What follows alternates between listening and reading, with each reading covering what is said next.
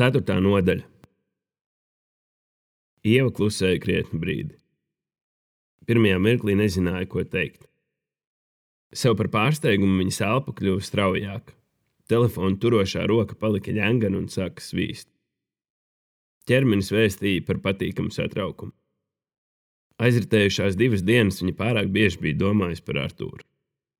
Pārdomās, Ieva Allaž kavējās atmiņās par abu kopā pavadīto laiku.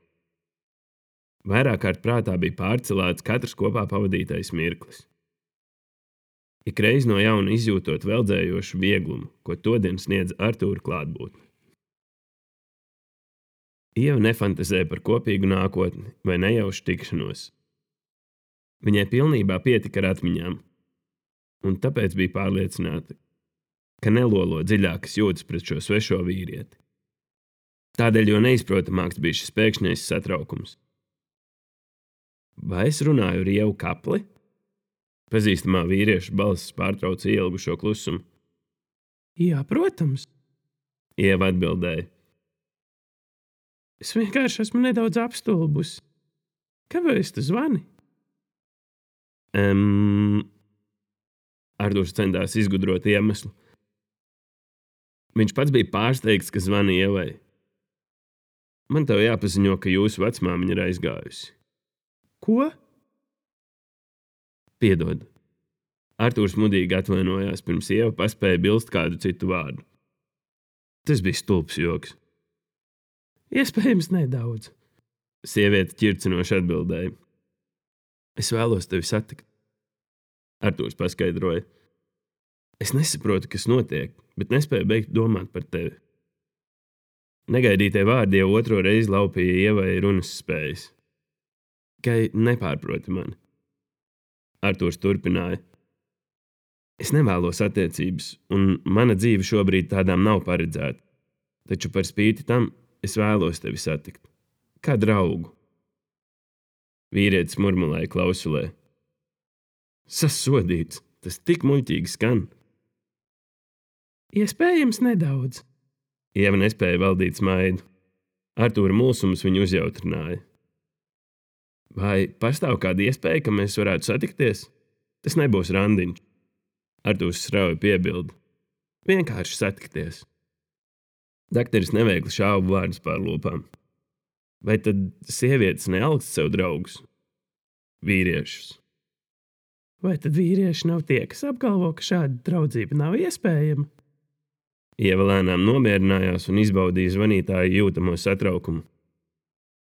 Nu, mēs varam arī nebūt draugi. Man rītdien beidzot ir pilnīgi brīva diena, un es piekritīšu jebkuram tam piedāvājumam tikties. Vienalga cikos, vienalga kur, nosauc laiku un vietu, un es tur būšu. Tiešām? Jā, nebūs nekādu iebildumu no manas puses. Lieliski! Ieva priecīgi paziņoja. Tad tiekamies rīt. Divos pēcpusdienā gaida mani pie Skajana Māra galvenās ieejas Dontas ielā. Sarunāts, Arthurs teica. Tas gan bija viegli. Vai man vajadzēja ielēties? Ieva jautāja. Tā taču ar draugiem nerīkojas. Tev kāds ir teicis, ka tev ir muļķīgs uzvārds? Arthurs mainīja tēmu. Būt kaplē laukos nebija viegli, taču manai mammai bija vēl trakāk. Viņas vārds ir Maiga. Maiga kaple? Arthurs iesmējās. Vai ne? Viņa ilgi nepieņēma tēta bildinājumu, jo nevēlējās mainīt uzvārdu. Kā tu vispār zini šo informāciju par mani? Es apskatīju tavas vecmāmiņas lietu. Tur atradu tavu telefonu numuru un uzzināju uzvārdu. Arthurs paskaidroja. Tikai nenosūdz mani kādai atbildīgai institūcijai. Draugi tā nerīkojas. Tad tev rīt būs jāpierāda, ka esi šādas uzticības cienīgs draugs. Ieva ķircināja. Darīšu, ko spēšu. Man, diemžēl, ir jābeidz runāt. Vadība nebūs priecīga, ka šādi pavadu savu īso darba dienu. Jā, protams. Tiekamies rīt. Viņa atvedījās. Ievas elpošana bija atgriezusies normālā ritmā, un ar katru pārrunāto vārdu bija mazinājies satraukums. Šodien viņai bija vēl kaudze darāmā. Ieva apkopoja visu gribas spēku un no jauna iegrima rēķinu iegrāmatošanā. Arthurs sēdēja slimnīcas sēdnīcā un ar dakšu bīdīja pa šķīvēdienu paliekas. Beidzot, viņš bija paveicis to, kas bija jāpaveic jau vairākas dienas iepriekš. Un sev par pārsteigumu tas sniedz negaidītu atvieglojumu un sildošu prieku. Pirms divām dienām Arthurs pamodās uz dīvāna, un māja bija ierasti tukša. Tikai smarža virtuvē bija kaut kas jauns. Viņš bija pieredzējis, ka pēc pamošanās ķermenis ir stīvs no gulēšanas nērtā pozā vai nepiemērotā vietā. Arthurs biežāk gulēja dīvānā pie televizora, atpūtināja acis slimnīcas ģērbtuvē vai snauda galvu uzlicis uz galda blakus dokumentu kaudzē, nevis kvalitatīvi izgulējās plašajā dzīvokļa gultā. Viņš nebēdāja par tādiem niekiem kā stīvs ķermenis, vēl jutās pārāk jauns un pārāk maz sasniedzis, lai ļautos nepelnītai atpūtai. Pēc pamošanās vīrietis aizlāčoja uz vannas istabu, iztukšoja pilno urīnu pūsli, kas bija vainīgs pie naudas pārtraukšanas, un noskaloja seju augstā ūdenī. Zestrais ūdens atgādināja, ka viņu mājās pavadīja apbrīnojama būtne. Šajā brīdī ieva iezagās Artūra prātā un tajā mājoja katru brīvu brīdi. Viņš atcerējās sievietes vasaras raibumiem klātos vaigus, kur iezaigojās sarkani kreizi, kad viņai tika dāvāts kompliments. Ievas garie rudie sprogainie mati padarīja rotaļīgu sievietes koptēlu. Savukārt gaišās zaļganās acis bija negaidīti apbūrušas ar tūru. Tomēr par spīti ievas valdzinošajai sievišķībai, Arthurs vairāk ilgojās pēc viņas klātbūtnes, kas atmosfēru visapkārt radīja draudzīgu un nepiespiestu.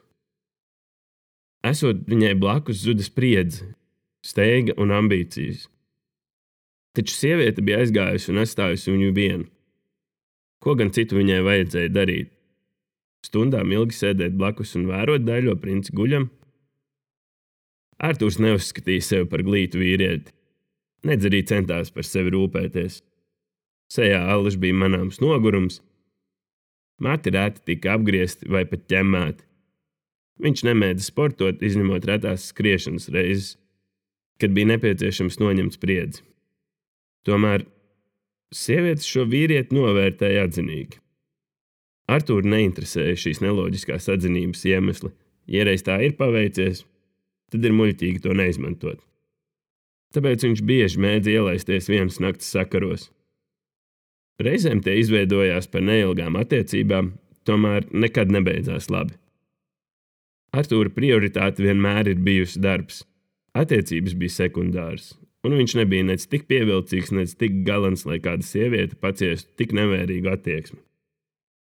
Arvien biežāk Artūrs izjūta nogurumu, un spēku saglabāšanai bija nepieciešama medikamentu palīdzība.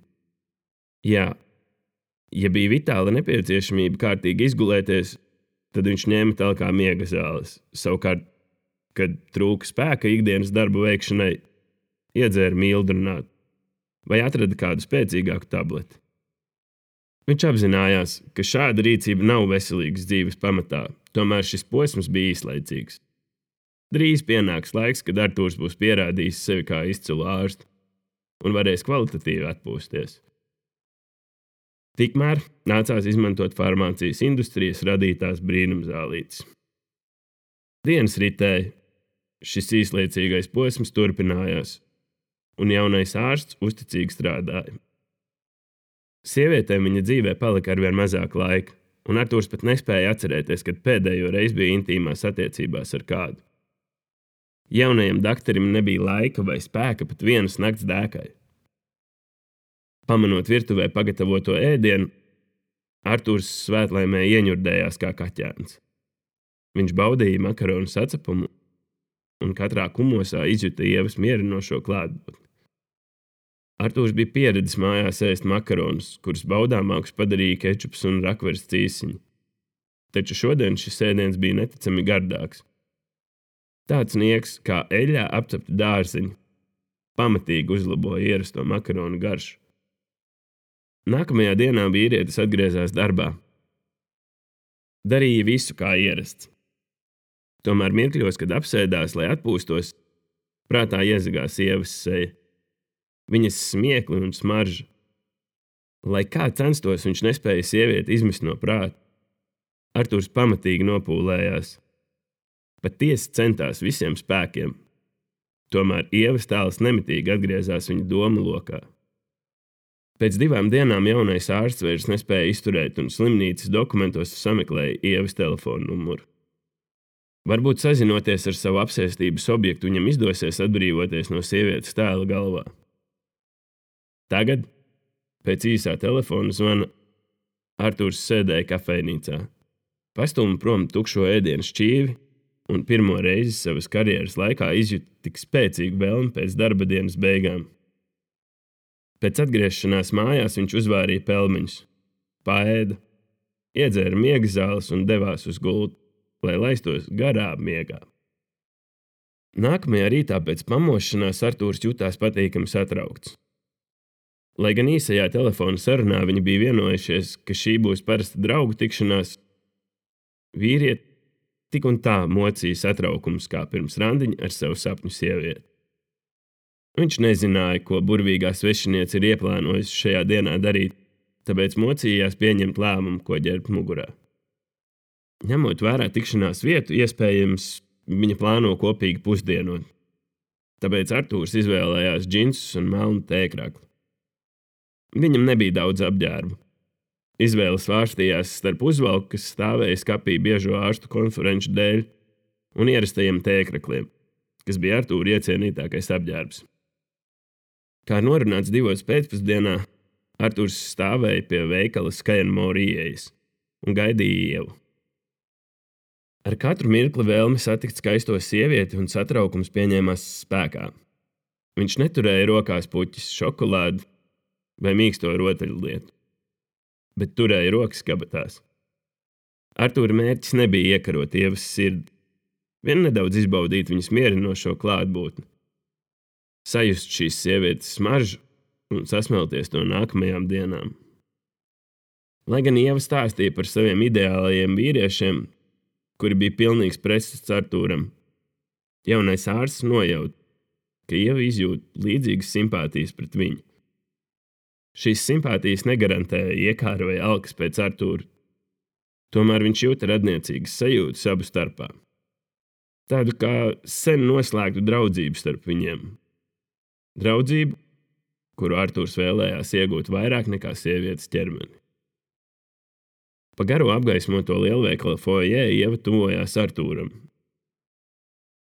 Viņa bija uzvilkusi klasisku melnu kleitiņu, kas neiederējās šajā karstumā vietā un Arthūra nolūkos.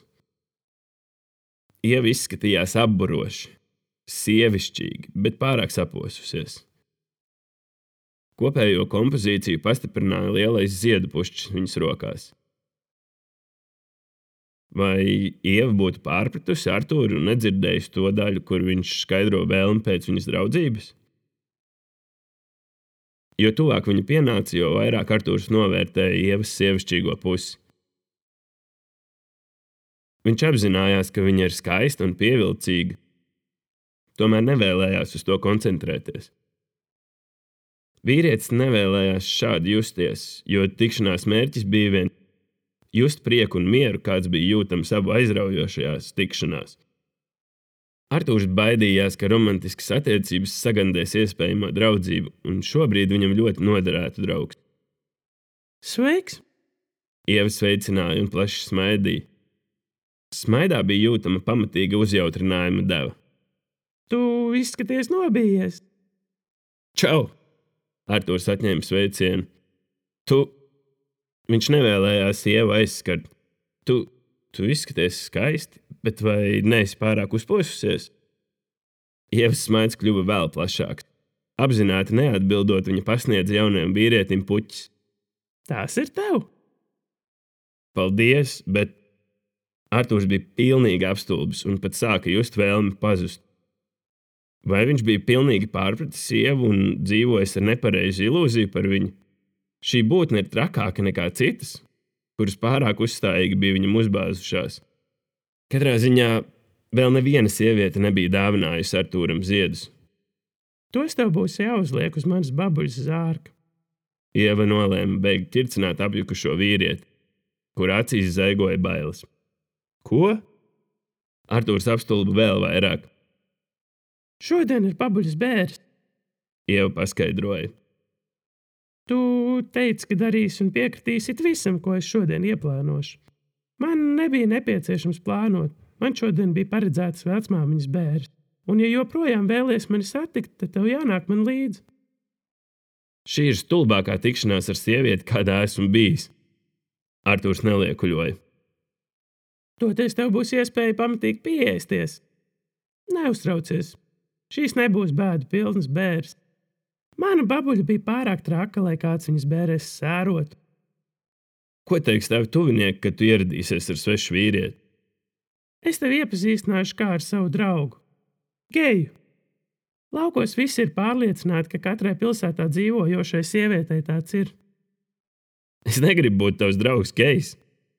Arthurs protestēja, bet pretī saņēma atbruņojošu smaidu. Mums vajadzētu doties. Ieva sāk iet ārā no veikala.